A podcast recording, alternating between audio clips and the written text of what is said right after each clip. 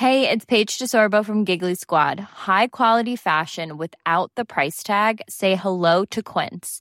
I'm snagging high-end essentials like cozy cashmere sweaters, sleek leather jackets, fine jewelry, and so much more. With Quince being 50 to 80% less than similar brands. And they partner with factories that prioritize safe, ethical, and responsible manufacturing. I love that. Luxury quality within reach. Go to quince.com slash style to get free shipping and 365 day returns on your next order. Quince.com slash style.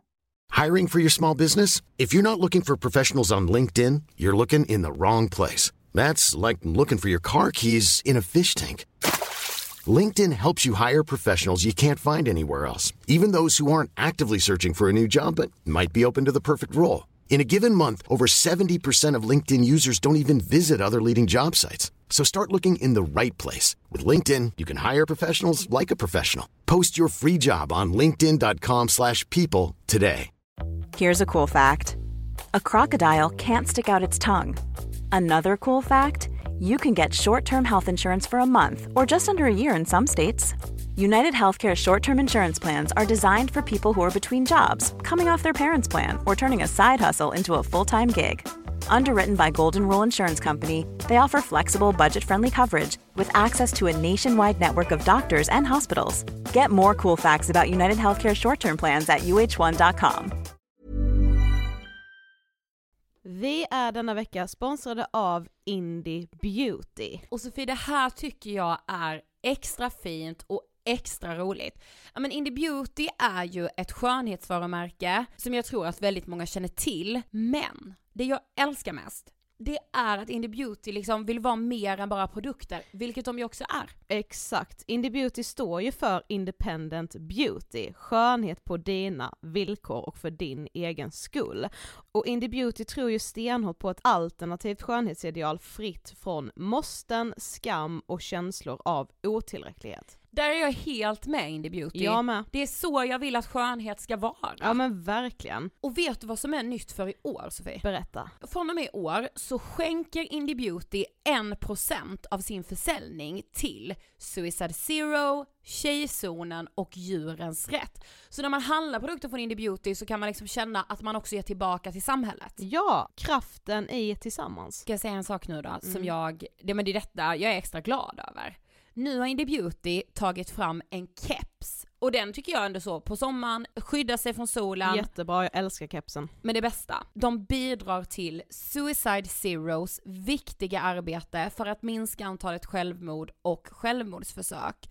Så för varje såld keps så går hela vinsten, 100 kronor, direkt till Suicide Zero. Då kan man liksom göra nytta både för samhället och sin hud på en och samma gång. Ja, och kepsen kostar 169 men alltså hela vinsten går då som sagt till Suicide Zero. Mm. Så om man vill göra skillnad när man är där ute i solen, nu när den börjar titta fram, då ska man välja den här kepsen. Den säljs exklusivt på indiebeauty.se och på Apotea. Tillsammans kan vi skapa en ljusare framtid. Vi ses med kepsarna på! Tack Indie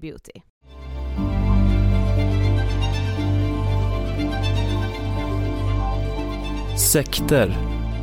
I decennier har vi förundrats över dem. Blivit rädda, arga, nyfikna. Januari 2004. Sverige skakas av dramat kring den lilla församlingen i Knutby utanför Uppsala. Pastorn Helge Fossmo fick sin barnflicka att mörda hans hustru och skottskada ytterligare en församlingsmedlem. Hustrun sköts till döds med flera skott i huvudet och avled. Det andra offret överlevde men fick svåra skador. Sekten blir en annan värld. Jag menar, om du kan bli entusiastisk över en läderkula som flyger in i ett nätmål så kan jag bli entusiastisk över att Jesus Kristus uppstånden ifrån de döda.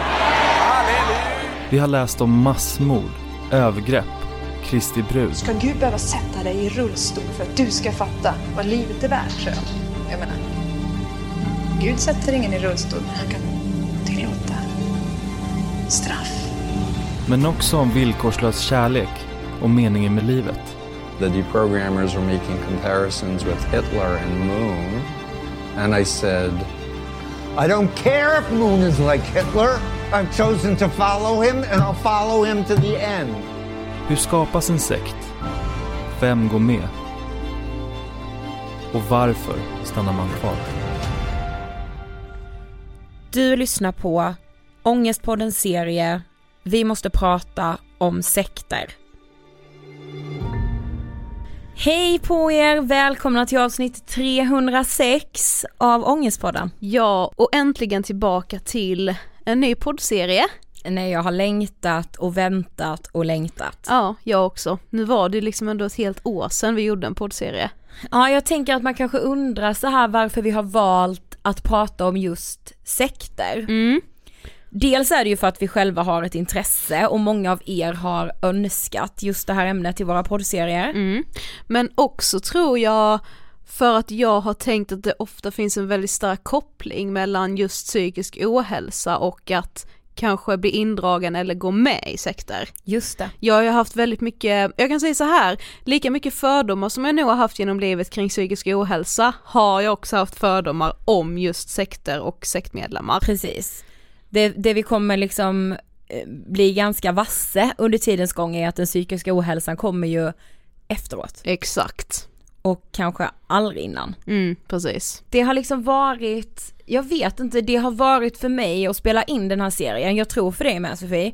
Det har varit väldigt mycket aha-upplevelser. Mm. Och också mycket som jag har kunnat koppla an till saker i mitt eget liv där jag har kunnat tänka så här: shit, där var jag väldigt utsatt. Hade någon kommit till mig och presenterat en hel världsbild hade jag köpt den med hull och hår. Ja men också en förståelse kring varför man liksom hamnar där och blir kvar i sekterna för det Mm. är ju inte bara skit. Nej. För då hade man ju aldrig stannat kvar. Alltså den här villkorslösa enorma kärleken och gemenskapen som det ofta innebär att liksom vara med i en sekt. Den har jag en helt annan förståelse för idag. Precis, och vi kommer ju gå in på en mängd olika delar. Vi kommer träffa sektledare, vi kommer träffa experter, vi kommer träffa personer från den alternativa medicinrörelsen. Vi kommer träffa barn som har vuxit upp i sekter. Men idag träffar vi Helena som har varit med i en sekt. Ja, men innan dess. Vi är denna veckan sponsrade av Ellos! Ja, fantastiska Ellos. Ja, och nu är det ju, gud blir det fest eller vad? Blir det feststämning trots de här tiderna? Precis, det skulle jag verkligen vilja säga. Det blir lite feststämning, lite så här gala och glamour som man ju har saknat ganska mycket det här året. Ja, för första gången någonsin så presenterar Ellos stolt Ellos Awards. Och det här är faktiskt ett så fint initiativ. Ja men det här hyllar Alltså kvinnor som under det här gångna året använt sina sociala kanaler för att lyfta kvinnor eller kvinnofrågor. Ja, och det finaste och viktigaste av allt i hela Ellos Awards, det är ju att de som blir nominerade, det är liksom upp till er, oss, vi Exakt. som vill nominera får nominera. Vem som helst kan nominera vem som helst till någon av kategorierna och efter en öppen allmän omröstning så väljs vinnarna ut av en jury. Yes. Men Sofie, lite mer så här konkret. Mm. Ellos Awards, alltså det släpptes ju nu i tisdags Ja. och nu kan man alltså gå in och nominera. Ja, och nomineringen är live till och med den 7 december, så ni har inte jättemycket tid på er, så skynda, skynda. Efter detta så kommer ju Ellos sen välja ut 15 stycken profiler i varje kategori som går vidare till röstningsveckan. Ja, och under röstningsveckan då, När den, är den? från och med den 8 till och med den 13 december, alltså på Lucia, då kommer man kunna rösta på de här profilerna i varje kategori. Och för varje röst, det här är viktigt, skänker Ellos en krona till kvinna till kvinna. Åh! Så det är liksom bara att rösta på. Ja, alltså det är verkligen så här: när man röstar gör man också en jäkligt bra grej. Precis. Okej, och nästa steg sen då som jag sa det är att den här juryn sammanträder digitalt såklart Ja. och går igenom de profiler som har fått mest röster i varje kategori och sen utser de en vinnare.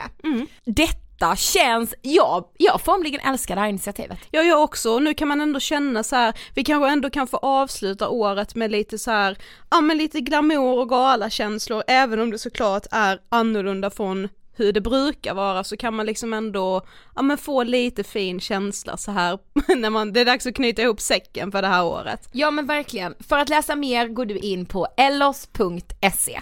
Tack Ellos. Vi är denna veckan sponsrade av Mendley! Jajamän! Appen som gör det möjligt att gå i terapi via chatt. Ja och liksom flexibel terapi Mm. på riktigt Sofie. Och man kan ju välja själv om man liksom vill skriva i chatten, skicka röstmeddelanden i chatten eller videomeddelanden i chatten. Så man bestämmer själv, man liksom anpassar terapin efter sin egen smak. Ja men så här är det ju att Mendley har gjort en liten kampanj som heter terapi, vad är det för skit? Ja, där de ju tillsammans med oss tar upp olika fördomar kring terapi. Mm. Och alltså herregud, jag har ju själv haft extremt mycket fördomar kring terapi. Men en som jag vet är så här household, eller du vet många har sagt detta till oss, nämligen att alltså terapi är ju svindyrt. Ja, och det har ju liksom nästan blivit en liten diskussion kring huruvida terapi är en klassfråga. Eh, och att det bara liksom är de som har det gott ekonomiskt ställt som har råd att gå i terapi. Och back in the days, alltså så var, har det ju verkligen sett ut och Ja. varit att säga okej du måste ha det gott ställt, du behöver verkligen pengar för att kunna gå i, i terapi. Mm. Men så är det faktiskt inte längre. Nej, för hos Mendley så är det faktiskt helt kostnadsfritt för dig som patient att gå i terapi. Mm, och liksom det är ju för att alla som behöver terapi faktiskt ska få tillgång till det. Där, alltså det är ju därför jag älskar Mendley på ett sätt Sofie. Ja, och också inte bara på grund av ekonomiska skäl, men också att Mendley har gjort det så lättillgängligt att gå i terapi. Du gör det via din smartphone, du kan sitta hemma, du kan gå i terapi medan du väntar på tunnelbanan. Alltså, ja, ja. men alla ska ha råd att gå i terapi om man behöver det. Ja. Alltså för dig som patient kost, kostar det alltså ingenting. Zero, noll. Du laddar ner Mendley via App Store eller Google Play. Tack Mendley. I den här första delen av poddserien träffar vi alltså Helena Lövgren. Hej Helena och varmt välkommen till Ångestpodden. Tack så mycket. Väldigt fint att ha dig här. Tack. Som 23-åring drogs hon in i Moon-rörelsen. Ja, Helena Lövgren. Jag eh, är legitimerad psykoterapeut. Så jag har en specialitet att jobba med folk som har varit med i olika sektoristiska sammanhang brukar jag säga. Eh, så jag har då själv erfarenheter av att vara med i något som heter Moonrörelsen. Moonsekten, eller Enighetskyrkan som den också kallas, grundades av Sun Myung Moon. Han hävdade att Messias uppenbarade sig för honom och kallade sig själv den andra Messias. Vad tänker du på när du hör ordet ångest? Mm, många saker. Eh, det jag tänker framförallt på är att man inte alltid förstår vad det är som har väckt ångesten Mm. och att det gör ångesten till ett perfekt verktyg för manipulatörer faktiskt. Att tolka din ångest och ge dig medicin till din ångest som kanske inte alls hjälper dig till en hållbar psykisk hälsa. Tron går bland annat ut på att Eva hade en sexuell relation med både Lucifer och Adam och därmed orsakade syndafallet. Immunrörelsen är missionen att utplåna den synden genom att viga människor i monogama, syndfria äktenskap. Moon är mest kända för sina massbröllop. Men du är ju första delen i vår serie Vi måste prata om sekter och det är ju dels för att du jobbar med avhoppare men också dina egna erfarenheter av att vara med i Moonrörelsen. Men innan vi börjar prata om den så vill vi liksom backa bandet lite. Vem var du liksom, din barndom, hur var din uppväxt? Ja, alltså jag säger så här, jag är ganska normalstörd. som, som de flesta, så jag hade inget specifikt sådär att jag hade inget barndomstrauma eller blev övergiven. Eh, förutom att när jag kom i tonåren så fick min pappa cancer. Och han dog när jag var i 20-årsåldern, så det var ju naturligtvis en svår förlust. Eh, men nej, jag eh, växte upp och jag hade kompisar, hade lätt för mig i skolan och jag var lite blyg och sådär men jag har alltid varit så analytisk och eftertänksam som jag trodde var någonting som skulle skydda mig ifrån att bli lurad. Mm. Men, För eh, jag tänker att det kan vara en fördom som man kan ha. Att så här, eller hur? Ja men så här, går man med, eller är man, har man varit med i en sekt och har det, det varit så trasigt i livet innan eller man har varit så övergiven eller någonting. När man är väldigt skör liksom. Ja men precis, alltså, det är ju många gånger som jag har märkt efteråt att folk undrar just men vad, vad är det för fel på det? Du verkar trevlig, men vad är felet? De letar så här, inte de letar på fel ställe. Ja. Och det, det är det jag kallar för det här fundamentala attributionsfelet som det heter på fint socialpsykologiskt språk. Att man letar i personen istället för i situationen. Mm. Och det är det som skapar så mycket fördomar tror jag. Mm. Att man tänker, men det där skulle inte jag gå på. Och när folk säger så, så brukar jag fråga, vad exakt är det de skulle gå på? Ja. Jag skulle aldrig kunna tro på scientologin. Nej, men det finns ju tusen andra grupper. Exakt. Och just att man, nej men jag skulle ju inte låta mig luras av det här och det här. Men så säger jag, ja men det är emotionell manipulation. Det är inte att någon kommer med en tokig idé som du lite naivt köper. Nej, Nej. precis. Det är lite mer komplicerat. Mm. Mm.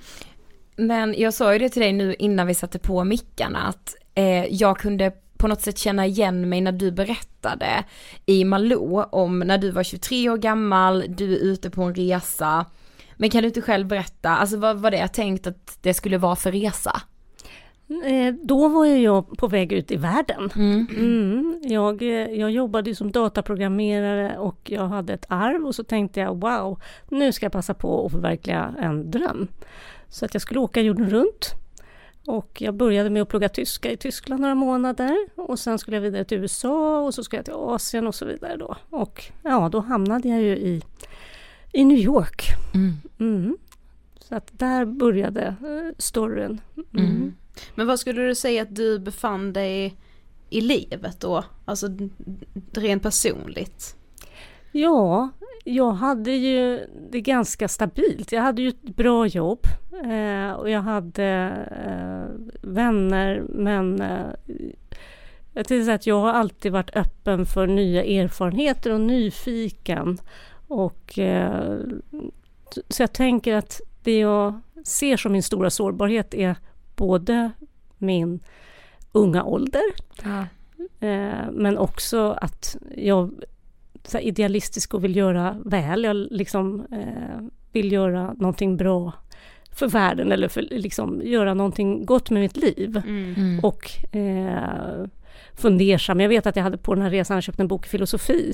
Mm. så att jag hade eh, liksom eh, funderingar, men var inte så här att nu saknar jag mitt liv, jag är ute och söker. Det var inte en sån resa, utan det var så här, nu ska jag se världen ha kul. Mm. Ja. Ganska standard 20 någonting. Lite så. Ja, men, ja men exakt och just att så här, även om man liksom inte kanske söker hela meningen med livet så är man ju ändå i en ålder där så här, man söker spänning och kickar och man vill ha kul. Mm. Det är ju de allra flesta tänker jag. Ja, och jag hade varit ute och rest förut. Vi hade ju gjort Australien under ett par månader. Jag tyckte det var jättespännande och kul. Och jag tyckte så här, resa är jätteroligt och då lär man sig mycket om världen och livet också. Mm. Mm. Men hade du kvar ditt jobb då, alltså samtidigt som du reste? Nej, jag hade faktiskt sagt upp mig för jag hade jobbat där en tre, fyra år. Och så tänkte jag att Mm. ja, men med min utbildning så ordnar jag ett nytt jobb när jag kommer hem. Det är kanske dags att flytta på sig. Mm. Mm. Men, Men jag hade hyrt ut min lägenhet. okej. För att den skulle ju vänta på mig när jag kom hem. Ah, så jag hade ja. ordnat allt för att vara borta ett år. Mm. Mm. Ja för tanken var att du skulle vara borta ett år. Mm. Men du landar då i New York och nästan när du precis har kommit fram så träffar du en ung kvinna som, hon kommer fram till dig. Mm. Berätta vad, vad händer? Jag hade ju bara varit där ett par dagar. Ah, Ja, och eh, promenerade på Broadway i New York eh, och stötte på en ung tjej. Du vet som man ibland gör på universitetet eller på gator, folk som går med sina enkäter, Ja. sådana papper i, eh, i handen. Och eh, så hon såg liten och, och späd ut och så tänkte jag så här, man stannar för att vara snäll. Och jag hade liksom, jag tänkte så här, jag har alltid i världen på mig, jag är här och, och upptäcker. Så att, och då handlar den där enkäten lite om allt möjligt. Eh, om du vet så här, religion, politik, filosofi, eh, du vet allt. I själva verket var det en checklista för att se om det finns något att hänga upp någonting på och locka med. Vilket skyltfönster ska vi placera framför den här personen? Mm. Det förstod jag ju senare. Så att, Mm. Och då, då hakade hon ju på som av en händelse. Just de här sakerna då som jag kunde säga, men jag är intresserad av filosofi, och politik och religion och alla sådana saker. Inte religion ur ett sökande, för jag var ju inte religiös, men jag tänker att det är inte alltid intressant att lära sig om människor. Mm. Eh, och, ja, och då blev det ett samtal Ja. som slutade i att ja, men här nästa kvarter så har ju vi då den här studentorganisationen. Ja, det har- var så de Ja, presenterade hon kom sig. från en så kallad studentorganisation skulle jag vilja säga utan studenter. Ja. Oj, ja. Eh, Men eh, det var det de presenterade och då kom jag upp på det här rummet som var ett ganska kalt rum och så hade de lite affischer uppsatta med så här välgörenhetsprojekt i så Sydamerika och grejer. Ja, Då Mm. visar de på att det här jobbar de för att göra skillnad i världen och sådana saker. Och sen så erbjuder de ju då att eh, hämta lite fika. Och vad jag sen fick lära mig är ju att när man hämtar fika så rapporterar man ju. det visste ju inte jag då. Nej. För att komma in och hämta någon annan som spontant kan dyka upp och säga nej men hej. Och så visar det sig att man råkar ha en massa saker gemensamt. För att den Gud, är så kommer så på beställning. Ja, Ja. det är, det är ingen, ingen normal eh, sund människa är ju så paranoid för då brukar vi sätta en diagnos på det. Precis. Ja. Ja.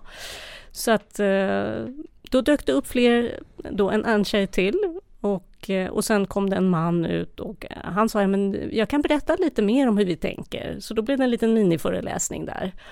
Han pratade jättedålig engelska och eh, kom från Japan, och, men var otroligt engagerad i det han försökte Ah. förmedla. Mm. Och eh, ritade den här lilla elefanten, att ja men ska man förse en elefant så kan man inte vara en myra som biter i örat och ser det där lilla eller i svansen, du vet den här klassiska berättelsen och zooma ut. Ja. Och liksom vi försöker att se helheten och zooma ut och se saker ur olika perspektiv. Och vi har en sån här kul camp där det är då människor som kommer från hela världen, det är föreläsningar och allt möjligt då. Och det skulle som av en händelse igen börja imorgon. Mm. Och då blev det den här busiga stämningen att de bara, men du, ja, men vi, kan ju, vi kan skjutsa dig. Vi löser det här. Det Och vore det ju måste ju superkul. vara ödet att vi träffade dig just idag. Ja, så det, det, det, de liksom, man skapar den här stämningen som man upplever att den personen går igång på. Ja. Ja, Och- kände du att du gjorde det? Alltså, Jo, jag tänkte så här, ja det är planerat att liksom åka till Kanada efter några dagar. Och så tänkte jag så här, ja det går ju att omboka liksom. Ja. mm. Och ja, det här kan ju vara lite spännande och intressant och lärorikt. Så Mm. att eh, det var ju genom en studentorganisation som låg nära liksom, universitetet. Så tänkte jag att ja, jag ifrågasatte inte att det inte var en studentorganisation. Så att det var ju liksom, hade jag ifrå, bett, alltså, hur skulle jag gjort det? Skulle jag ringt Nej. liksom universitetet och kollat? Men det Nej. gör man ju inte. nej, alltså. och så studentorganisation låter också så himla oskyldigt så varför skulle man ifrågasätta det? Alltså bara, är ni verkligen, alltså, Mm. ja. Det är inte top of mind att börja ifrågasätta en studentorganisation riktigt. Nej, nej, om man inte är väldigt paranoid lagd. Nej, Exakt. precis. Mm. Men hur blev de första dagarna här då? Du åker med på det här campet då som Ja. börjar redan dagen efter? Just det, jag åker med och eh, kommer till ett, en trevlig villa eh, ute på Long Island och eh, med så här pool och liksom jättetrevlig strandtomt och folk, du vet som man föreställer sig när man aldrig varit i USA. Så har man sett såna här tonårsfilmer och spelas gitarr. det spelas gitarr och sjungs sånger Ja. och jag fick då sova i ett rum och, och sen nästa dag så skulle föreläsningen börja. Och då sitter jag och en av de här tjejerna som jag hade mött på gatan och så tänker jag så här, okej, det var folk i huset och jag tänkte så här, här pågår det grejer. Ja. Vad jag förstod senare var ju att jag hade ju då oturen att vara den första som de har raggat på, på sin sommarkampanj. Alla andra var där, som jag också förstod senare, att man tränar på att bli lärare. Ja. Så att alla var ju så här, eh, du vet, härliga och liksom med. Det var ju för att de var medlemmar, inte för att de var nyfikna Nej. besökare. Mm. Så det var ju maximal otur. Men när jag sätter mig, den första sån här varningsflaggen är ju så här, ja men när jag sätter mig så är det ju bara jag och hon. Så tänker jag, men vad är de andra? Om de är i olika rum så tänker jag, "Jaha, vad är det här för konstigt upplägg? Men just det här att, ja, jag stannade inte upp Nej. Och funderade så mycket mer på det. Mm. Eh, och det var ju så här många saker som gjorde att ja, men det här var lite konstigt. Det skaver till. Eh, men en del av manipulationen är ju att det här var ju så intensivt så jag fick ju aldrig den där tiden Nej, att reflektera över det här. För att sen var det under rasterna så skulle alla veta vad jag tyckte.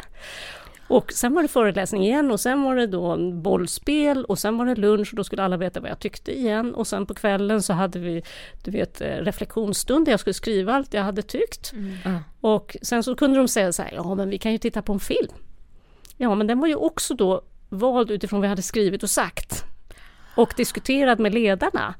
Så jag vet en av de första filmerna jag fick se var ju så här Oh God You Devil, en, en supergammal amerikansk komedi. Aha. Om en kille som jobbar i ett snabbköp som ska då eh, Gud, Gud besöker honom och säger så här, du ska berätta för allmänheten att jag finns. Och han bara, och vem ska lyssna på mig som är en snabbköpskille?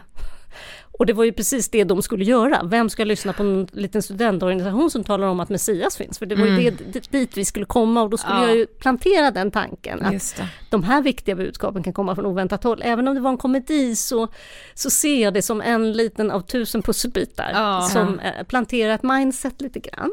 Ja. Det är ju, alltså man får säga det, väldigt snyggt paketerat av Mm. dem. Alltså det är som att allt är så utstuderat i minsta detalj. Ja, det är det, var, det det jag menar med systematiskt. Att det, Ja. det är liksom ingenting som lämnas åt slumpen. Nej. Och man rationaliserar ju här med att men, vi räddar ju människor till det eviga livet. Ja, men du kommer ju att tacka oss sen. Mm. Så att jag ser ju inte dem som onda. Nej. Men det blir ju väldigt skadligt när man för, berövar människor möjligheten att välja liksom själv. Mm. Men ja, för jag tänker alltså, det förstår ju du såklart inte då, men om man lyssnar och undrar liksom vad moonrörelsen är för någonting, vad är Mm. grunden i moonrörelsen? Grunden i Moonrörelsen är ju då att Sun Myung Moon, Mm. eh, då numera avliden, var så att säga utvald att vara, slutföra Jesus uppdrag på jorden. Så han är second coming of the Messiah. Mm. Eh, Så att eh, det är grundidén och han, enligt deras ideologi så skulle ju Jesus ha gift sig och fått barn och skapat en liksom, familj. Eh, Och nu fick han ju inte möjligheten till det och det är det Mm. han ska också återupprätta. En ren blodslinje med en fru och eh, då ha 12 barn, precis som de 12 lärjungarna så ska det vara 12 barn och då blir de välsignade. Och sen kan man bli välsignad, även om man inte är liksom Måns egna barn, så kan man bli välsignad genom att då gi- giftas bort. Det kallas för en välsignelse. Då Okej. gifts man bort med en främling och då får man genom hans välsignelse en, bli en del av den här rena blodslinjen.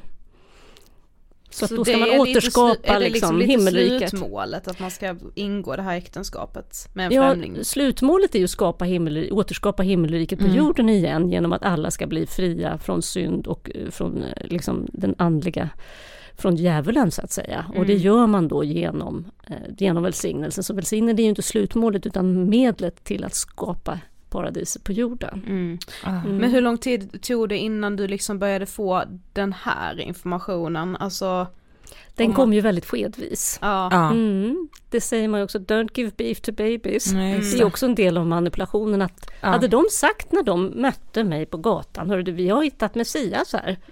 Så här blir- går det till, du kommer få jobba sju dagar i veckan, du blir bortgift med någon du inte känner. Du kommer inte ha tid och möjlighet att få träffa din familj eftersom de är besatta av djävulen. Vill du vara med? Nej, hade jag sagt då. Mm. Så att det här med första veckan så pratade man ju då ganska ytligt om saker och ting. Det låter ju konstigt att det kan vara ytligt en hel vecka. Men man gick ju inte in på att det fanns en Messias. Nej. Utan man pratade om liksom eh, filosof, filosofiska saker och sen gick man in på att förklara då det här religiösa som jag tyckte började bli väldigt mycket religiöst tänkte jag. Ja. Eh, då pratade de just om människans fall som berodde på det här sexuella då att man hade haft sexuell kontakt. Eh, och så småningom hur det här ska då återställas. Och så, avslutade man veckan med en historisk genomgång som jag då tänkte wow. Eh, då visar man så en, ett stort ark, eller på hel- hela den här svarta tavlan så visar man då hur historien upprepar sig själv med olika rytm och det är de här heliga speciella talen, det är 4 och 3 och 7 och 12 och så vidare. Och så ser man så att den historiska figuren motsvarar den historiska figuren på den andra tidslinjen och den tredje och så blir det så här den, den, den, bang, bang, bang och så slutar det med så här mm. och så kommer Jesus och sen vem är det då som ska komma? Hur blir det då när historien upprepar sig själv tredje varvet? Mm. Mm, ska vara någon gång på nitt- runt 1920 någonstans i Korea. Mm. Aha. Tänk om han redan finns Ja. Så slutar första veckan. Ja. Och, vad kände du då? Jag kände så här, Nej men jag kände inte att jag var blown away på något Nej. vis. Att jag kände så här, mm, spännande, väldigt spännande och kittlande. Eh, men jag kände ju inte att jag var såld. Nej. Och eh, jag anade ju inte att de redan hade en Messias eftersom de säger tänk om. Mm, just det. Eh, och jag var, det krävdes ju ändå en viss övertalning då av en snygg amerikan som liksom, de hade ju flera personer som jag lärde känna under veckan och han var ju medlem. Och tyckte ju att, ja, eftersom de hade ju en veckas reflektioner från mig att gå på, så vad ska de trycka på? Ja, att jag är ansvarsfull och vill vara seriös och så vidare. Ja, men om du verkligen vill ta det här seriöst, Helena, så, så, så, är det väl liksom, så borde du väl ändå försöka utforska det här lite mer. Så det var ju liksom, alla har ju sina grejer. Mm, och, och det gäller ju att hitta vad som biter på respektive individ. Eh, och jag kände så här, ja, jag har ju inte fattat allt. Nej, så hur kan du då avfärda liksom, saker och ting om du inte har fattat det? Nej, men om du lyssnar mer så kan du ju fatta ett beslut. Ja. Så då skulle det bli tre veckor till. Okej. Och då, skulle ju, då andades de också i förbifarten att den här killen skulle bli min lärare. Mm. Ah. Mm. Smart. Ja, eller hur? Och sen under, ska jag säga, under den här treveckorskursen, då började du liksom tära väldigt mycket på att aldrig få vara ensam. Ah. Inte få liksom någon reflektionstid själv, utan alla var ju runt mig hela tiden. Och jag var ju jobbig i och med att jag är uppvuxen med så här feministmamma och inte religiös. Så att jag var ju ändå jobbig på det viset, att det fanns lite att göra där. Eh, eftersom deras, de säger ju så här, men man och kvinna har olika roller, Aha, ah. men är alla lika mycket värda? Och så småningom förstod jag att det hade uppfattat saken rätt från början. Men då säger de, det är också det här manipulativa att säga, du har missförstått. Mm. Ah. Nej, men när du hör resten så kommer du att förstå, där ska man liksom, det är en klassiker. Mm. Så att eh, när jag hade åsikter så var första steget att lägga min kritik åt sidan var att helt enkelt vänta med att kritisera tills jag hade hört resten.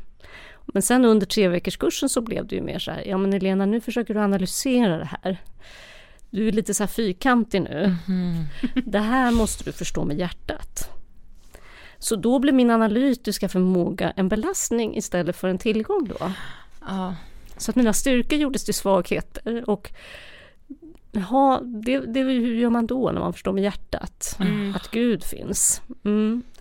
Eh, och så att så småningom på den här tre veckors kursen så blev ju ytterligare saker. Det var ju att, eh, att de sa så här, men du kan ju prova att be bordsbönen ikväll. Ja, men jag tror ju inte på Gud. Nej, men hur ska du veta det om du inte har provat att prata med Gud? Så det är också som jag kallar för att liksom eh, man tränar sig att bete sig på ett sätt som om och då uppstår det ju kognitiv dissonans. Ja. Och då det är lättare att eh, liksom förflytta sig i den riktningen. Mm. Så att jag fick ju prova och sen så småningom det här med kritiken. Sista spiken, eller inte i sista men en av många sista spikar i kistan på, på det här med att inte, liksom inte förmå kritisera. Ja. Eh, för att bli värvad handlar inte alltid om att wow, det här var fantastiskt. Nej. Ibland handlar det om att tysta rösten som säger gå härifrån. Och det är två helt olika saker. Mm. Och när jag var kritisk och fick jag höra okej, jag ska inte vara förhastad i min kritik, jag är för fyrkantig här tydligen för att kritisera. Och sen så börjar man att prata om den här andliga världen. Ja. Att, mm, men hur är det då med, med liksom djävulen, hur jobbar han? Jo men han jobbar ju i din vardag. Han finns ju bland människor som säger till dig det här är en sekt, du ska inte vara här. Eller kommer till dig i kritiska tankar, jag vill hellre, och då hade de ju använt det här emot mig. Mm. Jag vill hellre åka till Frankrike och läsa franska. Det visste de att jag hade planerat. Liksom att det blev ju då någonting ytligt, egoistiskt, självcentrerat och eh, kanske också demoniskt. Mm. Så att jag skulle, och då säger de så här, ja men när, om djävulen kommer till dig genom dina tankar så kan ju du inte stå emot. Utan det enda sättet du kan skydda dig på, det är ju att inte öppna den dörren. För öppnar du dörren, då är det kört. Och hur håller man dörren stängd? Jo, när sådana tankar kommer, då sjunger man heliga sånger, man ber böner. Så det är ett sätt att inte öppna den här dörren och det är ju egentligen att säga tänk inte kritiska tankar för då är du död. Ja, precis. Och tänk inga tankar som handlar om att du ska härifrån på något sätt. Nej, för att nu, du precis. har ju hittat rätt redan. Ja, så att, och då sen, sen, sen ytterligare då så säger de så här, ja hur jobbar då djävulen? Ja, vem förrådde Jesus? Jo, det gjorde Judas. Och vem är din Judas, Helena? Ja, det är ju, vem står dig närmast? Ja, det är ju min familj. Ja. Så jag kan inte lita på min familj. Jag kan inte lita på mig själv eftersom Nej. jag kan vara besatt. Ja, men jag kan inte lita på mina vänner. Så jag brukar liksom jämföra den här situationen med att vara i en amerikansk långfilm, du vet, när, när huvudpersonen upptäcker att så här, polisen är korrupt, Ja, regeringen ja. är korrupt. Och jag är liksom, jag är helt ensam Mm. att försöka fatta ett livsavgörande beslut. Och jag kan inte lita på någon och jag kunde inte ens lita på mig själv. Nej. Och då, där blir man ju ganska ångestfylld. Ja. Mm. Och jag förstod ju inte, apropå det han sa i början här med, ja, men varför har jag ångest? Ja, för att någon håller på att pressa mig och, och liksom eh, stressar mig och hotar mig och Mm. lockar mig. Och det är inte konstigt om man åker i en emotionell berg att man får ångest. Nej. Men jag kände ju bara att jag mår dåligt.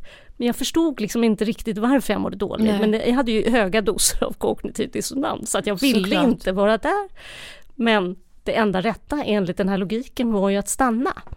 Men jag tänker, alltså när du är i detta, har någon, alltså benämner man det fortfarande som så här studentförening eller är det då, är det någon som säger moonrörelsen när man väl är i det? Ja, den, den eh, pusselbiten är viktig. På treveckorskursen, Ja. i slutet av treveckorskursen så presenterar de alltså den här Messias. Okej. Eller jag, jag ska inte säga slutet, jag kommer inte ihåg exakt nu, det var ändå 30 år sedan. Men under Ja. treveckorskursen så presenterade de då Messias. Och då gjorde den här mannen då som var min föreläsare med tårar i ögonen berättar han Moons historia som är född i Korea och alla hans prövningar. Med tårar i ögonen berättar han om hans svåra liv. Och jag kände ju bara så här, "Mm, en rövarhistoria. Det var min första reaktion. Jag blev inte rörd, jag bara kände så här, nej, nej. Nej. Så även här under tre veckors kursen så hade jag ju ändå stundtals tillgång till mig själv. Ja precis, ja. Eh, Men så var det ju oartigt att liksom säga det till någon som står med tårar i ögonen och säger, ja men det där tror jag inte ett smack på.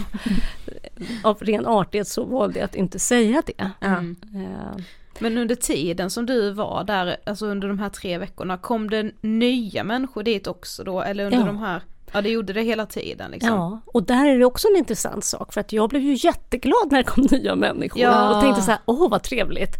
Och då märkte jag hur det liksom, jag märkte inte det så tydligt då, men då blev det ofta så här, man särade lite på oss för att vi inte skulle kunna bli förbundisar. Man Ja. ville liksom, de skulle ju gå i sina klasser och jag i Just min, det. men vi hade ju gemensamma måltider. Men man vill ju inte att vi, vi hade ju inte massa fritid där jag kunde kom, sitta med någon annan nykomling och säga, tror du verkligen på det här? Ja, vad ska vi dra härifrån tillsammans? Lite så. liksom? Mm. Det utrymmet fanns ju inte. För Nej. alla kontrollerades ju varje minut av någon och liksom, det är ju det här som blir så otroligt utstuderat och systematiskt. Mm. Mm. Alltså man förstår ju att du levde med väldigt mycket ångest, men Mm. var du någon gång rädd? Ja, så ångest det är för mig att vara rädd. Mm. Eh, jag var ju rädd att göra fel val.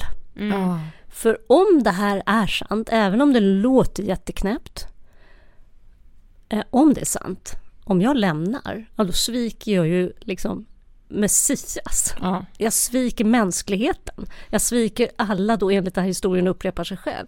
Jag sviker alla i min blodslinje bakåt i tiden Man som har har, så gjort allt på sina, offringar. Ja. Alla bakåt i tiden i min blodslinje har ju då offrat och gjort saker för att jag ska bara ta stafettpinnen och springa i mål. Sista sträckan. Och jag sviker alla. Och det var ju det som var mitt helvete. Ja. Att det är ju det de säger i helvetet, helvetet att liksom, ja, åh Helena, du hade chansen, du stod där, allt var serverat, men du valde att satsa på dig själv istället. Mm. Så att det skulle jag ju också få höra i evig tid i helvetet. Mm. Sen när jag var död, att jag hade svikit alla. Och jag vågade ju inte ta chansen att svika så många. Samtidigt som jag också då efter så många veckor hade svårt naturligtvis att tänka klart när man har blivit nernött av sena kvällar överbelastad med information och med känslomässigt starkt laddad information och vara helt ur balans. Man ska inte fatta viktiga beslut när man är ur balans. Nej. Och inte livsviktiga beslut. Men Nej. det var ju det jag gjorde och då blir de ju inte så överlagda. Men jag ville ändå bara fly. Jag Mm. ville inte vara där. Nej. Och det vet jag i slutet av den här tre veckors kursen. Så kände jag, nej jag står inte ut, jag står inte ut, men jag kan inte säga, jag struntar i det här. Men jag tänkte att liksom, jag visste inte hur jag skulle få till det där, men jag ville bara säga, nej jag tar en paus. Mm. Mm. Och sen så sköt jag upp det där och sköt upp det där. Och sen kom sista kvällen på den här treveckorskursen och, och sen så säger de då, jag tänker jag tar det efter dagens slut, efter middagen. Så precis när middagen är klar så ropar de in mig i det här klassrummet och så har de ritat så här, congratulations och tårta. Och så, så här, säger inte det just nu. Och där kände jag lite att ja men där gick ju det tåget. Och jag skulle säga att för min del så var det det sista tåget. För sen då blev det automatiskt att då kom man ju på 40-dagarskursen. Och då började vi praktisera det här genom att gå ut och sälja tavlor då i Guds namn. Och ja, då blev det liksom gånger tio det som redan hade varit med att inte få sova, att jobba och eh, föreläsningar som ska hela tiden tala om att snart är det andliga tredje världskriget. Liksom. Eh, att leva, du säger ångest, så skulle jag säga så här, jag skulle säga att målet var att vi skulle leva så nära panik. Liksom. Ja. Att vi skulle gå ut som soldater i ett Ja. krig. Vi Mm. sjöng ju och marscherade, vi himmelska soldater. Vi skulle gå ut med den här känslan på liv och död och sälja de här tavlorna. Mm. Så att det är en otrolig stress som man upplevde. Mm. Men hade du någon kontakt med, med din familj hemma i Sverige? Nej, alltså jag, jag provade ju under, tror jag tre veckors kursen så skulle jag skriva ett brev och då kommer ju han, den här amerikanska läraren och får syn på att jag sitter och skriver ett brev. Och så säger han så här, ja. Ja, så om man ska vara seriös så ska man ju gå all in lite grann och lägga liksom världen utanför borta ett tag. Så då var ju det oseriöst för, av mig att skriva ett brev hem. Men min mamma fyllde ju år på sommaren så jag fick ju ändå ringa men hon svarade inte. Eh, och jag grattade då henne eh, och undanhöll vad jag höll på med. Jag sa ingenting om vad jag höll på med. Eh, och sen när jag väl då var på den här 40-dagarskursen så fick jag ju hjälp eller lite instruktioner hur jag skulle skriva att inte locka fram djävulen, det vill säga säg så lite som möjligt. Och jag bara, åh, jag är så dålig på att ljuga också. Jag sa, ja, nej men jag stannar i USA och pluggar lite, lite diffust och vad och du vet, de bara kände så här, nej, det här har inte Helena skrivit, det här är inte Helena. De avslöjade ju mig direkt, det där brevet var ju hur dåligt som helst. Det var ju kanske bra. Ja, eller hur? Ja. Men de börjar ju förstå att det är någonting som inte riktigt stämmer. När Ja. de får det här brevet då. Vad, vad händer då? Vad gör de? De, gör, de hade ju fått en ledtråd för när jag, när jag åkte dit första veckan så, så postade, då, tur att de postade åt mig, jag skrev ett vykort. Och där skrev jag då att nu ska jag bo med några som heter CARP, den här så kallade studentgruppen hette då CARP. Förkortning för Collegiate Association for Research of Principles. Ja. Men då, då skrev jag i alla fall, jag bor med några som heter CARP och de är lite religiösa men gulliga. Och de kände så här, mm, YMCA. Ja. så att, eh, men det var först när, jag, när de fick det här andra brevet som de började känna att nu är det någonting som inte står rätt till. Ja. Så de gjorde ju rätt mycket research. Och eh, så småningom, alltså tänk det här var i början av 90-talet, Ja, då var det inte internet utan då var det telefon. A lot can happen in the next three years. Like a chatbot may be your new best friend. But what won't change? Needing health insurance. United Healthcare Tri Term Medical Plans are available for these changing times. Underwritten by Golden Rule Insurance Company, they offer budget friendly, flexible coverage for people who are in between jobs or missed open enrollment. The plans last nearly three years in some states, with access to a nationwide network of doctors and hospitals. So, for whatever tomorrow brings, United Healthcare Tri Term Medical Plans may be for you. Learn more at uh1.com. Even when we're on a budget, we still deserve nice things. Quince is a place to scoop up stunning high-end goods for 50 to 80% less than similar brands. They have buttery soft cashmere sweaters starting at $50, luxurious Italian leather bags, and so much more. Plus, Quince only works with factories that use safe, ethical, and responsible manufacturing. Get the high-end goods you'll love without the high price tag with Quince. Go to quince.com slash style for free shipping and 365-day returns. I'm Sandra, and I'm just the professional your small business was looking for. But you didn't hire me because you didn't use LinkedIn jobs. LinkedIn has professionals you can't find anywhere else, including those who aren't actively looking for a new job but might be open to the perfect role, like me. In a given month, over 70% of LinkedIn users don't visit other leading job sites. So if you're not looking on LinkedIn, you'll miss out on great candidates like Sandra. Start hiring professionals like a professional. Post your free job on linkedin.com/people today. Ja. ja, och ringa och ringa och ringa. Och så småningom så fick de ju napp. Eh, då på ett, en, en, en, ett projekt i Svenska kyrkan som då eh, man hade under den tiden. Och där var det ju någon som svarade och sa att ja men det här är en sekt och hon är redan körd. Oh my Åh oh, fy fan vad hemskt att få det liksom. Mm, verkligen. Så att de förstod väldigt tidigt och läste på så att de inte skulle göra det klassiska misstaget som väldigt många gör, nämligen ringa upp personen i fråga och säga att nu har jag hört att det här är en farlig sekt du är med i mm. och nu måste du komma hem på en gång. Då, om, när man vet då att folk i gruppen ser det här som ett tecken på att de är besatta av djävulen ja, bara. Exakt. därför är det helt kontraproduktivt att mm. konfrontera en sektmedlem på det sättet. Så mm. de valde ju att inte göra det, mm. utan de valde att försöka att få chansen att träffa mig, vilket ja. var oerhört svårt eftersom då jag skulle ses som, alltså jag såg som en andlig bebis. Eftersom okay. min andliga ålder var ju ganska liten eftersom jag var så ny eh, då, ah, frälst. Mm. Och den måste skyddas från djävulen genom att förhala och se till att inte träffa dem. Eh, så att eh, de hittade på alla möjliga anledningar till att jag skulle komma hem. Men oj, jag hade inte varit i stan, jag hade inte fått det här brevet. Du vet, det var alltid någon dålig ursäkt. Ah. Så att det dröjde ju ett och ett halvt år innan jag fick träffa dem. Men under det här ett och ett halvt året, alltså du, då lever du tillsammans med de andra i liksom sekten. Hur bor ni? Alltså hur ser liksom Vardagen ja. var så här, vi, när, i den här gruppen så Alltså morgonrörelsen är otroligt stor och sen ja. är KARP bara en del av det så det ser otroligt olika ut i ja. morgonrörelsen men i morgonrörelsen så är det för ungdomar. Mm som ska då tränas väldigt, väldigt, väldigt hårt. Och då kallar man den här träningen för MFT, Mobile Fundraising Team. Mm. Och då delas man upp i lag sådär typ 7-8 personer i varje lag och de, då ska man då andligt träna sig genom att sälja sån här hötorgskonst. Vi sålde såna här ja. små tavlor som skimrar du vet lite i metall. Mm. Eh, och vi skulle göra det för att varje tavla vi sålde var ju en biljett till himlen för den som köpte. För om den har köpt en tavla av en lärjunge från Messias så får den ju ändå pluspoäng, en stjärna i himlen för det. Oh. Som så småningom kanske kan möjliggöra att när vi ska sen, om jag skulle stöta på samma person och säga att du, vi har en camp så kanske den Gud skulle skjutsa lite där. Så att den sa ja. Så vi sålde biljetter till himlen.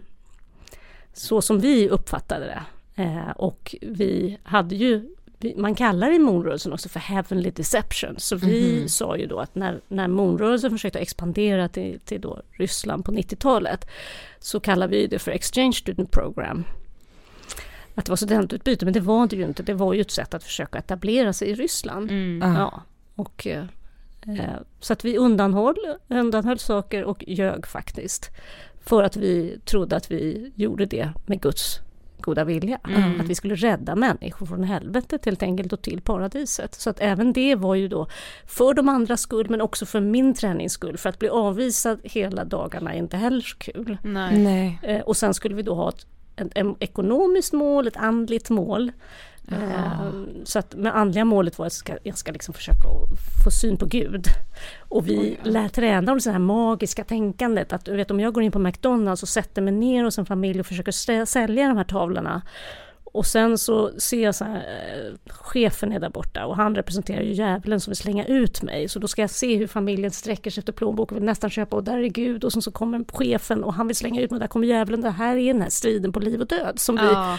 vi liksom skulle uppleva att det var hela tiden. Så vi skulle ju förandliga allting och träna oss i det här eh, magiska tänkandet. Men det ni faktiskt sålde, så fick ni någon lön eller det var bara helt ideellt arbete? Alltså... Ja, alltså man, man skulle ju, det var också en del av det här andliga, man skulle lämna allt uppåt och ja. sen får mm. man ner så att vi hade ju då en låda kläder som, som man kunde ta av om man behövde något nytt. Man fick inte be om nya skor utan det skulle ledaren se så att jag gick ju och fick jättefel på fötterna också för att jag inte fick be om föt- liksom nya skor. Och vi åkte i den här bilen och ja, om vi åkte utanför New York så, så fick man ju då turas om. Då var det så här, jag hade oturen i mitt team så var jag den enda tjejen. Och män och kvinnor får inte sova tillsammans.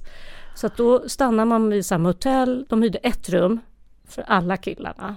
Och jag fick sova i bilen. På en hotell, alltså på en parkering mitt i natten.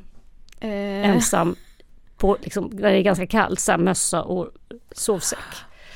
Eller så kunde man jobba ibland på, i New York och då hade vi ju ett hus i New York och då var det också jättemånga som bodde där. Och då hade man tjejrum och killrum och då var det så här, ja men du har ett, ett, så här yogamatta och en sovsäck.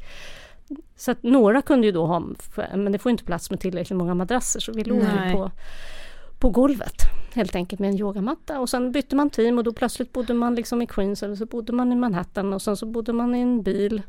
Eh, och så att också den här ständiga omorganisationen Ja, är också en del liksom. i att inte få landa. Mm. Ja, precis. och någon kunde försvinna, någon kunde byta namn och då var det så här, you got a family problem. Och då förstår man så här, okej hans familj har blivit besatt av djävulen och försöker komma åt och då måste man byta namn så att de inte går att hitta. Mm. Oj. Så att eh, nej, det var, det var så man levde. Så vi vaknade, bad böner och gick ut och sålde och sen var man tvungen att sälja, sälja tills vi hade uppnått det här teammålet, Ja. ekonomiska Aha. teammålet och då kunde det hålla på rätt sent på natten. Mm. Så att det blev ju inte mycket sömn. Och vi kunde ju skoja om att liksom det enda man ville göra var att sova. Men eftersom Moon då var så gudomlig så behövde ju inte han sova mer än två timmar. Och var man gudomlig nog så behövde man ju inte det. Ja, så Mm. det är så som något bra. att Så inte ens det mer normala, att man behöver sova, är okej. Nej. Nej. Och hur, hur alert blir man om man inte får sova? Nej, inte Mat och så, alltså, Men jag man tänker... fick några dollar Ja. och när du gick då de, släppte de av dig så här, den här gatan ska du gå nu i ett par timmar. Och då stannade jag på alla så här kontor eller McDonalds Ja. och allting och sålde. Och sen så plockade de upp mig i slutet liksom av den här gatan och då, om det, då fick jag ju passa på någon gång mitt på dagen att okej om jag är in på McDonalds då köper jag någonting Aha. och köper. Så att det var ju så, så det funkade. Mm. Mm. Men efter ett och ett halvt år så lyckas ju i alla fall, alltså din familj bokar biljetter till New York och de lyckas ju faktiskt träffa dig. Alltså hur bar de sig åt? Hur gick hela det här till? Ja, det var vi en av de här som jag, om jag tänker då Moonrörelsen har ju blivit väldigt hårt kritiserad just för att man splittrar familjer. Ja. Så det är ju så här Mm. modellen av en sekt i, i tidiga sektforskningen så att Mm, säga. mm. Så att de fick ju mycket kritik. Och mycket riktigt så kallar ju sig Moon och hans fru för de sanna föräldrarna. Det är de som är de Aha. sanna föräldrarna. Vi Mm. har bara en biologisk förälder. Mm. Eh, så för att liksom försöka som ett svar på den kritiken så skulle folk då plötsligt få höra av sig till sina familjer. Och det är också bara jättekonstigt. Om du tänker så att du är med i en studentgrupp och går och gör fundraising och så säger din teamledare att du, du, du kan skriva brev hem nu. Alltså bara det är jättekonstigt. Ja. Mm. Men då fick vi skriva brev och då skrev jag ett brev och då plötsligt kände de så här, mm, det här är, nu glimtar Helena till i det här brevet. Mm. Ah. Och då kastade de sig på nästa plan i princip. Så att det var så de kom. Och då, eh, då fick ju vi ett, ett fax på den tiden. Oj, ja. Och då säger ju min ledare att det här är inte besök, det här är en attack från djävulen. Så att det här måste vi liksom förhala, förhala, förhala. Så att de var ju där i New York länge, men jag fick ju liksom stå och blåljuga att liksom, nej men jag är inte i New York just nu, men jag kommer senare. Och sen fick jag Men hur se kändes det liksom? men det kändes ju fruktansvärt för jag liksom, det är väldigt svårt att tänka att ens egen familj är djävulen. Ja. Att jag måste vara rädd för dem samtidigt som jag bara vill åka hem med dem. Såklart. Ja, så att det blir ju igen den här otroliga förvirringen och dubbelheten. Och de spelade ju det sitt spel att inte veta allt de visste och jag skulle, jag skulle ju liksom låtsas att jag bodde i en lägenhet som jag inte bodde i. Alltså det är just det här Aha, att det finns mm. ingen hejd på hur mycket man kan, en charad. Nej. Jag, jag fick låna en lägenhet som inte var min och det ställdes dit lite kläder och lite mat. Och mitt största problem var ju så här, hur ska jag hitta dit?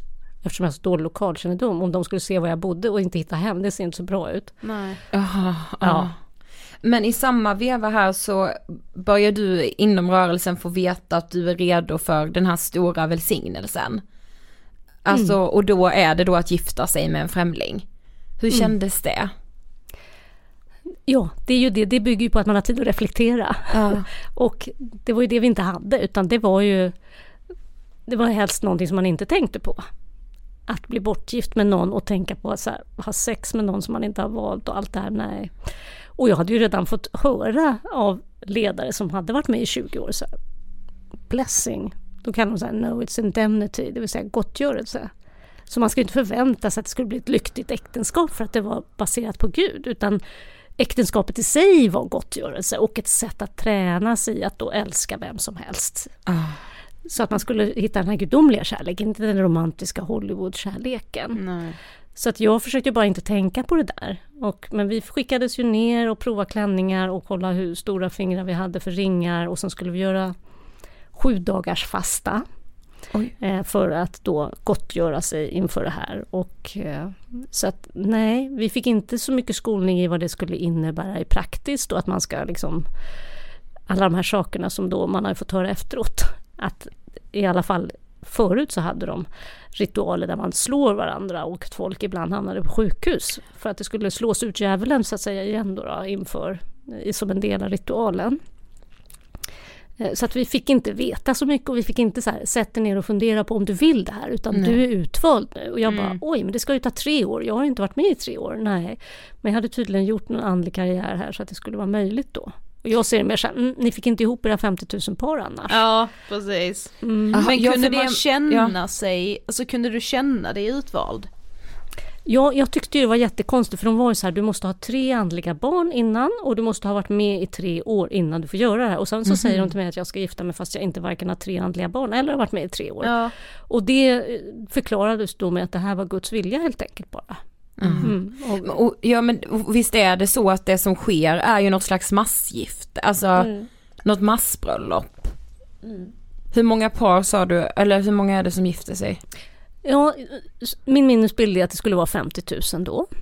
Mm. Ja men det finns klipp på det här på youtube, för Ah. det kollade ju vi. Det Alltså, gjorde det var vi. ju, vet, minns inte jag heller siffran men det är ju extremt många då Mm. par som står och gifter sig samtidigt. Just det. Och jag tror att med tiden så har man också lättat mer och mer och mer på de här eh, kraven så att Mhm. folk liksom eh, behöver inte ha gjort så mycket för att ha gjort det här. Nej. Mm. Nej.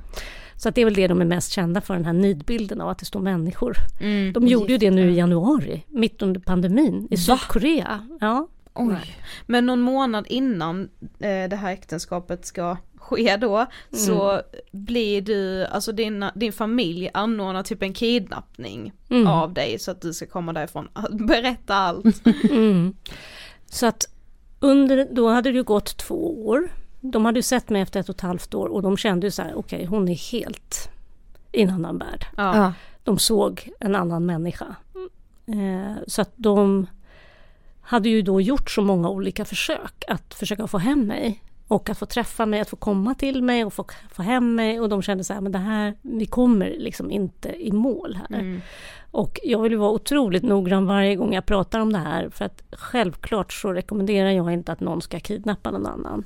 Och att det kan bli ett, att det är olagligt och det kan bli ett trauma för den Mm. personen. Mm. Så absolut vill jag vara tydlig med det. Samtidigt för mig personligen så var det ju en fritagning. Mm. Eh, Så att jag skulle då, nu hade de ju lärt sig av det här med att okej, vi meddelar i god tid att vi ska komma så att det inte upplevs som en attack på samma sätt. Mm. Så att de meddelade i god tid att min mammas 50-årsdag skulle firas i USA på den 4 juli på deras nationaldag. Eh, och då skulle de ju få komma och då var mitt uppdrag istället att jag skulle frälsa min familj. Jag tänkte så här, ja, det kommer ju inte att gå. Men det var ju med Guds hjälp så ska ju allting gå. Mm. Om jag tror och har Gud med mig så kommer de att bli troende. Så att vi skulle, jag skulle få bjuda in dem då till Upstate New York där vi hade också då en, i morgonrörelsen en, en camp. Så att de skulle få komma dit. Och de hade ju då gjort research och åkt till olika länder och träffat olika då experter. Eh, och på olika vägar då landat till de här personerna i USA. Som då eh, genomförde det här. Eh, och det som händer då är att ja, då kommer den 4 juli och vi åker ut och ska titta på så fyrverkerier och mm, olika, äta middag och så vidare. Och överallt så går det ju folk runt. Det är som en sån här eh, film. Du vet, att deras, de här människorna till det här teamet var ju överallt hela Mm, tiden för att mm. kolla när det skulle vara läge. Och så Aha. småningom när vi åker då tillbaka mot campen eftermiddagen, då hade det passerat rätt många tåg här. Då, då, kom, då tvärstannar bilen för det är en bil framför som har parkerat framför oss. Och då kommer en man och så bara visar han sin bricka och säger så här, jag är från polisen, you got an immigration problem. Alltså att jag var ju där illegalt. Mm. det visste ju jag. Eh, Och, och sen så säger han, and you got a family problem. Och då tänkte jag så här, okej, this is Satan, tänkte jag. Mm. Att när han sa family problem så förstod jag också, okej, det här är, det här är inte det här är en attack från djävulen. Nu kommer jag, precis som de har berättat, jag kommer att bli kidnappad. Jag hade fört skräckhistorier om hur man då blir, man kan bli drogad, man kan bli misshandlad. Ingenting kan ju hejda djävulen när djävulen blir desperat. Så att jag visste ju inte alls vad som skulle hända. Så att jag valde bara att vara tyst. Och när jag vänder mig om så ser jag också att då plötsligt min så kallade andliga moder borta. Hon hade ju varit med som ett förkläde hela tiden. De hade ju sett till då medan jag pratade med honom att hon fick lämna bilen. Ja. Eh, Och färden fortsatte då med olika bilar och så småningom så kommer vi till ett hus eh, där det är tömt på vassa föremål i det här rummet jag ska vara så att jag inte ska ta mitt liv eftersom Mm. då eh, morrörelsen hade sagt det tidigare men inte till mig att det är bättre att dö än att bli avprogrammerad. Mm. Okej. Mm. Eh, Så därav att liksom blockera fönstret på andra våningen, ta bort allting som man kan ta livet av sig med. Eh, Och sen så sa de så här, vi vill prata med dig. Och sen när vi har pratat klart så får du gå. Och det, det samtalet tog ju ett par dagar. Mm. När jag fick lära mig allt om det jag idag undervisar om. Mm. Ja, att hur, hur ser forskningen ut? Hur, hur gjorde kommunisten, du vet, eh, kommunisterna i maoistiska Kina? Hur Mm. gjorde man med de här soldaterna under Koreakriget? Eh, massa olika slags forskning och då var det så här, hur går manipulation till? Och då var det så här, okej, jag kunde ju checka av allting. Jag kände ju igen allt de sa när jag hörde det. Ja. Och sen var nästa steg, okej, eh, vem säger Mon att han är respektive vem är han? Lever han som en Messias? Mm, han har barn utanför äktenskapet. Okej, det är ju inte riktigt i linje med den här hela stora saken om den rena blodslinjen. Nej. Just det. Och han har dessutom varit gift två gånger, vilket jag visste. Men det var ju för att hon hade misslyckats och svikit mänskligheten då. Mm. Inte han. Mm. Men barn utanför äktenskapet och han har suttit i fängelse, det visste jag också. Men det var ju för ekonomisk brottslighet. Han har väldigt konstiga politiska vänner och lever i en, om, liksom, i en om, upp och nervänd rasism då, där, där asiater är det finaste. Mm. Eh, och vi fick ju också lära oss att ja, men, homosexuella, hispanics och, och handikappade är inte utvalda av Gud just nu att bli rekryterade. Och det är ju också Aha. diskriminering. Ja. Ja. Så när de pekade ut hur manipulation går till, att Mon inte lever som han lär och pekade hål på vissa, den här fina tidslinjen Mm. med mera eh, och visade mig rättegångsprotokoll. Alltså det var ju inte så att de bara sa saker, de sa att du kan få kopia på det här rättegångsprotokollet. Mm. Eh, här är den forskningen, här är liksom referenserna. Så att det inte var någon som säger något bara.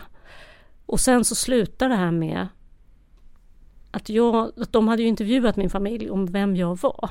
Mm.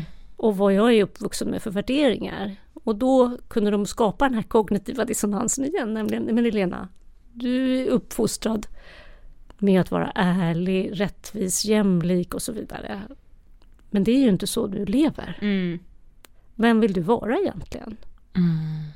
Och då blev det så tydligt att men jag vill ju inte vara en människa som ljuger och manipulerar till någonting som jag då uppenbarligen märker är- som jag inte vill tro på Mm, och som ja, jag nu har avslöjat. Så där med allt det där underlaget så blev det ju naturligtvis inte ett svårt beslut just då. För min hemliga Nej. dröm var ju att få slippa det där helvetet. Mm. Så att, men sen är det ju så att då tänker folk att det är där historien tar slut. Men Nej. sen så ska man ju då stabilisera sig i det här. Precis. Och det är ju en annan historia. Precis, hur kände du dig lättad här på något sätt när du hade liksom blivit tagen därifrån eller hur, hur mådde du? Både och. Till en början otroligt lättad att slippa därifrån. Ja. Men sen också otrolig skam. Att jag har blivit så här lurad. Alltså dels är det ju så här en själslig våldtäkt. Mm. Alltså de har gått in i alla mitt innersta och petat. Och mm, liksom det är så otroligt stort integritetsbrott. Ja, ja. Eh, så att det var ju också att känna sig så djupt kränkt. Mm. Precis. Samtidigt som jag kände att ja, men ingen kommer ju att vilja ha med mig att göra som verkar så här korkad. Så här, men vem vill ha med ett sektoffer att göra? Alltså jag tänkte att jag kommer ju inte ha några vänner eller någon framtid, kunna träffa någon man eller få något jobb. Det är ju ingen som kommer att acceptera mig för alla kommer ju att döma mig. Mm. Eh, Så att det blir ju en väldig ångest i det och en väldig skam. Så att det, och sen kunde jag då under lång tid efteråt bli triggad och det är ju ganska normalt att i en sån här process efteråt så har man då, man har bestämt sig varför man Förhoppningsvis har man bestämt sig varför man lämnar. Det är inte Ja. alla som gör det. En del bryter ju bara ihop och går iväg. Mm. Men jag hade ju en lista på varför jag inte tror längre och varför jag inte vill vara med. Och så kan det ju räcka med att bli påmind om ledaren eller höra någon nyhetsinslag Ja. eller du vet vad som helst. Och så plötsligt så snappar det till i hjärnan och så är man "Ah, Tänk om jag är hos djävulen nu? Mm. Och det kallar man för floating, att man liksom blir som att man utvecklar någon slags pseudoidentitet av att jag tänker, känner och beter mig på ett sätt i gruppen som är en helt annan person än den jag var innan. Och så blir det lite som ett hologram, att man kan snappa in i det ena. Ja. Och då är ju medicinen, varför lämnar jag? Och då påminner jag mig själv varför jag har lämnat. Ja, just det. Och då kunde jag liksom lugna ner mig själv. Men har man inte det så är man ju otroligt sårbar. Såklart. Mm. Men vad hände då, alltså när du kom hem, började du typ i terapi direkt eller liksom? När jag kom hem så hade jag otroligt tur för att då var det ett sånt här special eh, rehabiliteringscenter som, som normalt fanns i USA då, som tyvärr inte finns längre, men som heter Wellspring. De hade då med fondmedel blivit inbjudna till Sverige i flera veckor och fanns i Sverige. Så när jag kommer hem så finns ett amerikanskt rehab, unik, världsunikt rehab i Sverige när jag kommer hem. Ah. Yes. Man ska ha lite tur också. Ja, det faktiskt. måste man. Så att jag var hemma typ någon dag och bara gjorde så här, så här extreme makeover. Klippte håret, köpte nya kläder. Ah. Och, och så vet jag att när vi kommer till det här stället, jag och min tvillingsyster då som följde med mig, och de bara okej, vem är patienten? Ja. det var lite roligt. Ja. Men, Men, när skulle du säga att du insåg att du hade varit med i en sekt? eh, Det insåg jag ju under, under avprogrammeringen. Ja. Ja, att det här var vad man kallar för en sekt. Mm. Eh, och jag skulle säga att den rehabiliteringen gjorde ju oerhört mycket för mig att träffa andra som har varit med i andra grupper. Ja, Mm. såklart. Och höra, vi fick turas om då att berätta vår berättelse för varandra. Och vi fick se filmer och höra föreläsningar, så vi fick ju en fördjupningskurs på ytterligare flera veckor om Ja. vad påverkan och manipulation är och hur man rehabiliterar sig. Vi fick terapi och vi fick testa oss och så vidare för att, olika såna här symptomtestningar för att se att vi också mådde bättre i slutet. Mm. Så det var ju oerhört professionell eh, rehabilitering. Och sen gick jag i KBT efter det och sen gick jag på massa stödgruppsmöten då i en ideell förening som inte heller tyvärr finns längre som heter FRI. Mm. Där man då fick fortsätta att stötta varandra och se skillnader och likheter.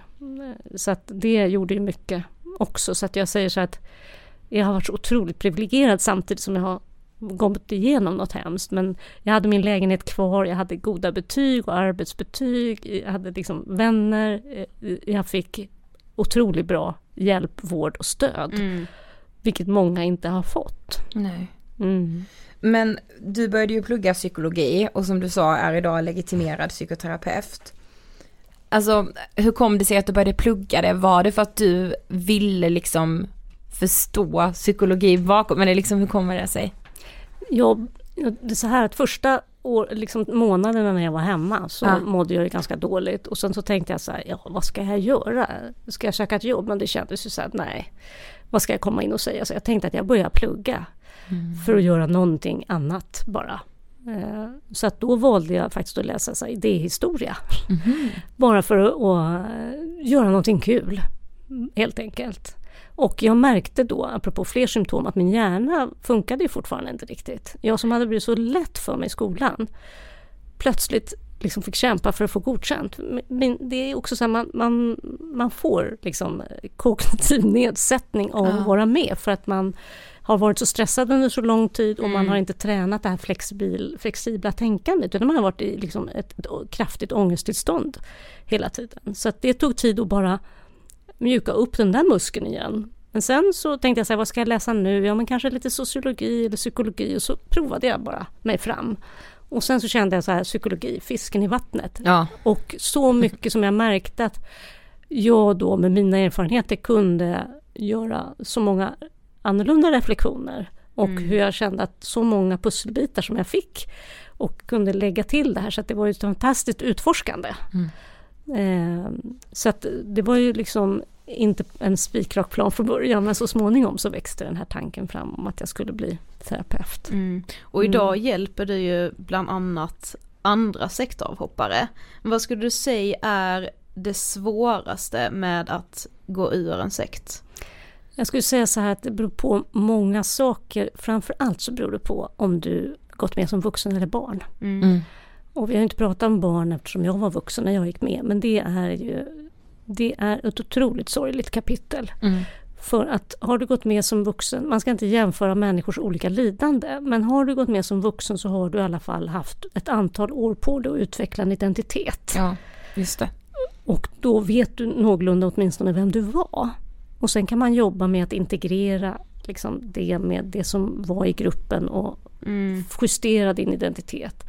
Men har du vuxit upp i en miljö som är liksom väldigt sekteristisk så har du inte fått utveckla en, en egen identitet eftersom i de här som jag säger, mer extrema sammanhangen där får barnen lära sig att inte lyssna på sina tankar och sina känslor eftersom om du får veta redan som barn oavsett om det är en religiös sekt eller inte så invaliderar man ja. hela tiden barnens tankar och känslor. Mm. Och då, litar man, då tappar man sig själv. Då vet man inte vad man, vem man är.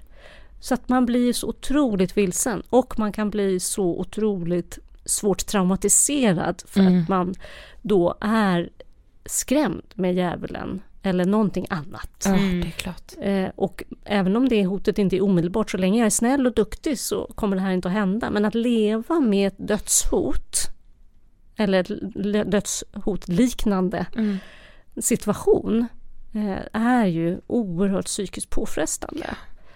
Så att eh, de är ju många gånger eh, traumatiserade och inte traumatiserade på det sättet som man tänker att någon som har blivit våldtagen utan som, det är ju ingen diagnos men man kallar det för komplex PTSD mm. som många, nu säger jag inte att alla har det men en, en, en, faktiskt rätt många av dem som är andra generationen som man säger då som mm. kommer till mig har den här där man har tvingats söka skydd i faran.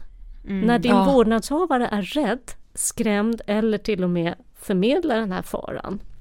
Hur ska du kunna som ett barn söka tröst hos den som skrämmer dig eller den som du känner är farlig? Mm.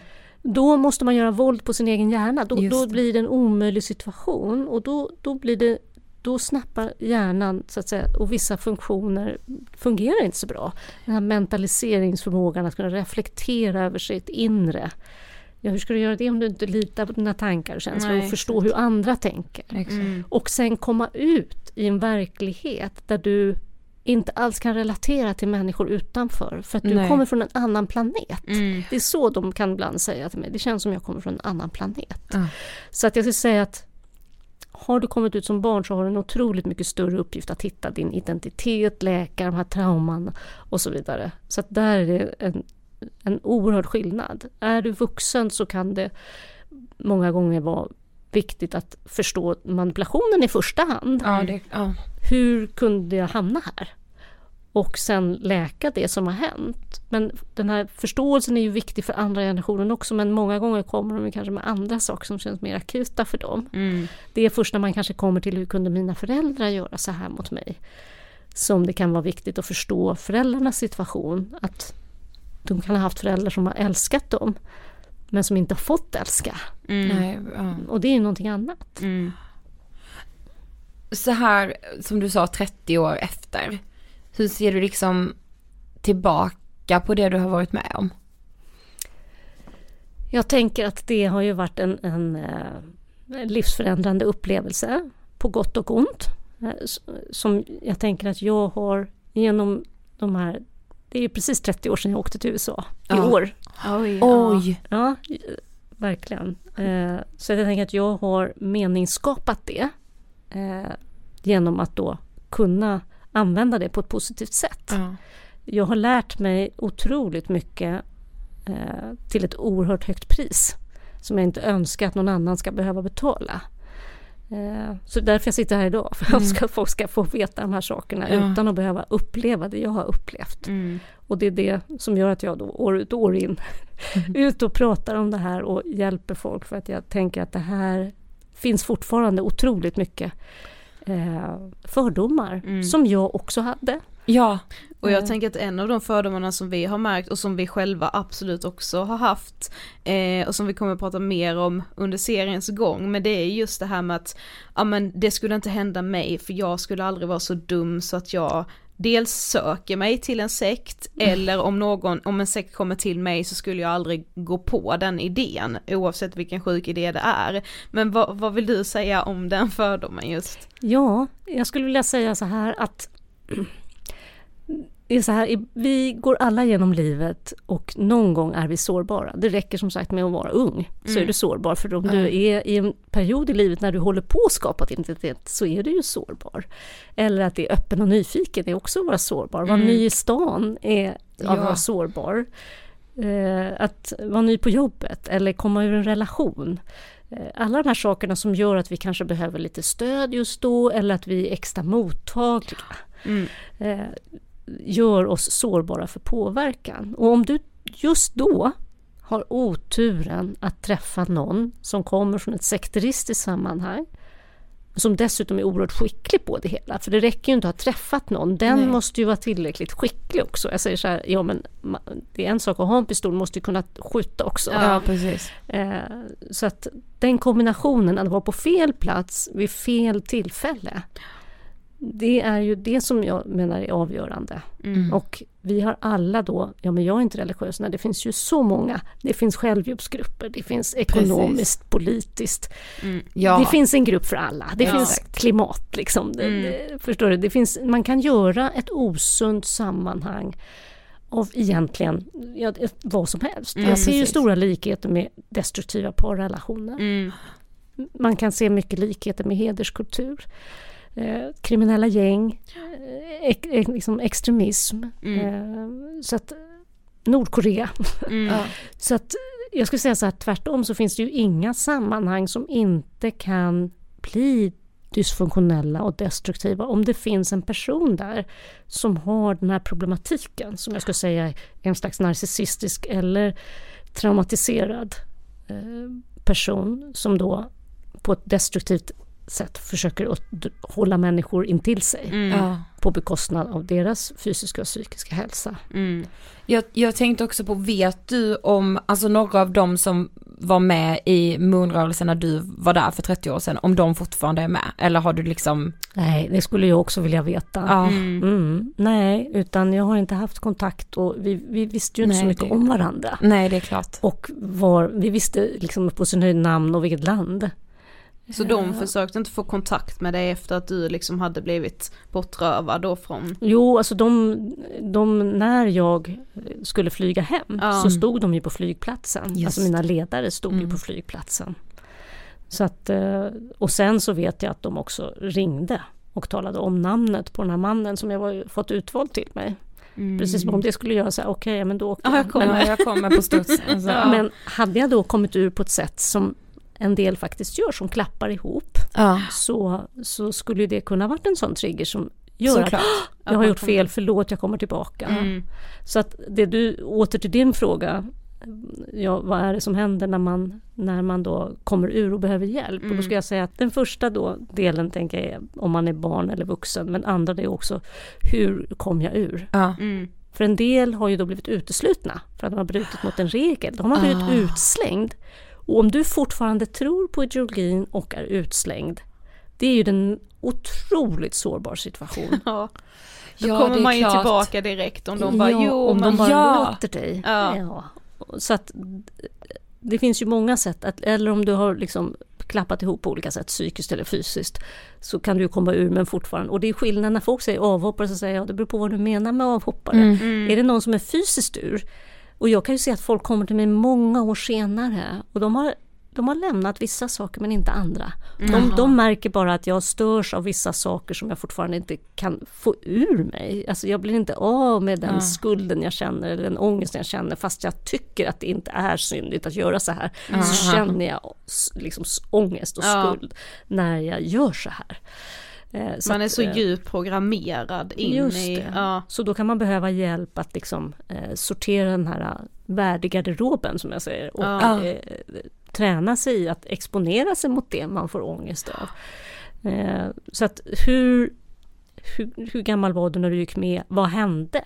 Har du Ja. blivit utsatt för systematiska sexuella övergrepp som faktiskt händer i vissa grupper? Mm. Mm. Eller någonting annat? Och hur, under hur lång tid? Har du varit fel i gruppen? Har du varit högt upp i gruppen? Har du Ja, varit med precis. i kärnan? Har du varit en tvivlande person på ytterkanten? Mm. Och hur lämnade du? Och vad har du för stöd när du kommer ut? Kommer du tillbaka till en familj? Nej, du kanske har familjen kvar i gruppen. Eller har du barn det. med någon i gruppen? Mm. Så att det är så många saker som spelar in på vad man kommer ut i för skick. Mm. Såklart. Och, och som jag tänker då eh, på det här med barnen igen som ändå är så otroligt viktigt att barn som är med i sådana här grupper, som möter forskare, som kommer på besök, de spelar ju rollen Mm. av duktiga barn. Eh, ibland får man till och med repetera vilken roll man ska spela. Eh, så att det är inte så lätt för någon utomstående att se vad som pågår bakom fasaden. Nej. Eh, och en del forskare gör någon slags wallraffsliknande försök att leva med de här, inte wallraffar men, men i alla fall att leva med dem och tänka att nu har jag varit med de här en vecka, en månad nu. Men nej, det här spelet spelar man hela tiden. Mm. Mm. Så att, eh, att eh, jag skulle säga att det är lite problematiskt om man tror att man har kommit bakom fasaden. Mm. Eh, och ser barn som har blivit då socialiserade in, som det så fint heter. Ja, barn som då ser ut att vara glada. Ja, men jag har ju patienter som har varit med i de mest fruktansvärda grupper, som såg glada ut när folk kom på besök. Så, ja, jag, ja, jag tänker också så här. Alltså som barn, om man har vuxit upp under de formerna, alltså man vet inget annat. Nej, precis. Nej. Alltså det är Man det vet. enda man vet Ja. och då gör, alltså Och om du då har blivit hotad med att om du inte uppträder väl nu så kommer socialtjänsten och tar dig. Ja, det är klart man uppför sig liksom. Ja, så att, Ja. att, att liksom, eh, det krävs ohyggligt mycket att tränga bakom fasaden. Och det är ett problem ur ett forskningsperspektiv naturligtvis. Eh, för att eh, om man bjuds på en yta och säger att så här är det, Mm. eh, så blir, blir man ju egentligen utnyttjad av gruppen. Mm. Eh, För att då ge en välsignelse till allmänheten att den här gruppen är okej. Ja, just det. Så att man blir ju faktiskt utnyttjad som forskare och det tror jag eh, liksom är en problematik som man kanske inte funderar så mycket på i Nej. forskningssammanhang. Man kanske funderar på att det är väldigt svårt. Mm. Men blir jag en så kallad nyttig idiot här? Mm, det mm. är ju en, faktiskt en ganska stor fara. Jag är mer skada än nytta med den här Ja. forskningen. Ja, Ja. det kan ju vara det om man då om man används på det sättet Ja, och om precis. man inte Mm. förmedlar att det här är en ytlig bild Mm. vi har fått. Mm. Mm, för då behöver man ju väga in då, vad säger de andra? Precis. Ja, precis. som har en annan historia och inte tänka att det här är två likvärdiga historier. Mm. Eh, utan liksom se komplexiteten i det hela. Mm. Mm. Då har vi kommit till sista frågan. Vad inspirerar dig? Vad inspirerar mig? Jo, att se människor blomma. Mm. Ja, att få följa med, ha ynnesten i mitt jobb att få göra resan från det här djupa hålet till att se människor blommar igen. Det är en fantastisk glädje. Mm. Och det påminner mig också om min resa. När jag var färsk och kom ur Mm. så ordnade då eh, min, min syster en middag med folk som har varit med för länge sedan.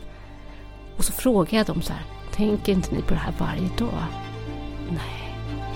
Så tänkte jag, är det möjligt? och bara att, att det finns en levande människa som kan vara en bild av att det går att överleva. Ja, exakt. Mm. är liksom en ynnest att få vara, Mm. att få skicka vidare i hoppet. Men också att få vara med folk på en sån resa är ju fantastiskt. Eh, En ynnest. Mm. Tack för att du kom och gästade Ångestpodden. Tack själva. Tack.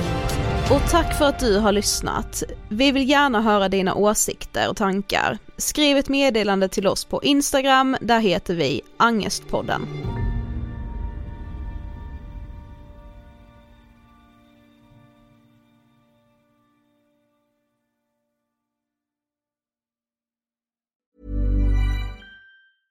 Imagine the softest sheets you've ever felt. Now imagine them getting even softer over time. That's what you'll feel with Bowl and Branch's organic cotton sheets. In a recent customer survey, 96% replied that Bowl and Branch sheets get softer with every wash. Start getting your best night's sleep in these sheets that get softer and softer for years to come. Try their sheets with a 30-night guarantee. Plus, get 15% off your first order at bowlandbranch.com. Code BUTTERY. Exclusions apply. See site for details.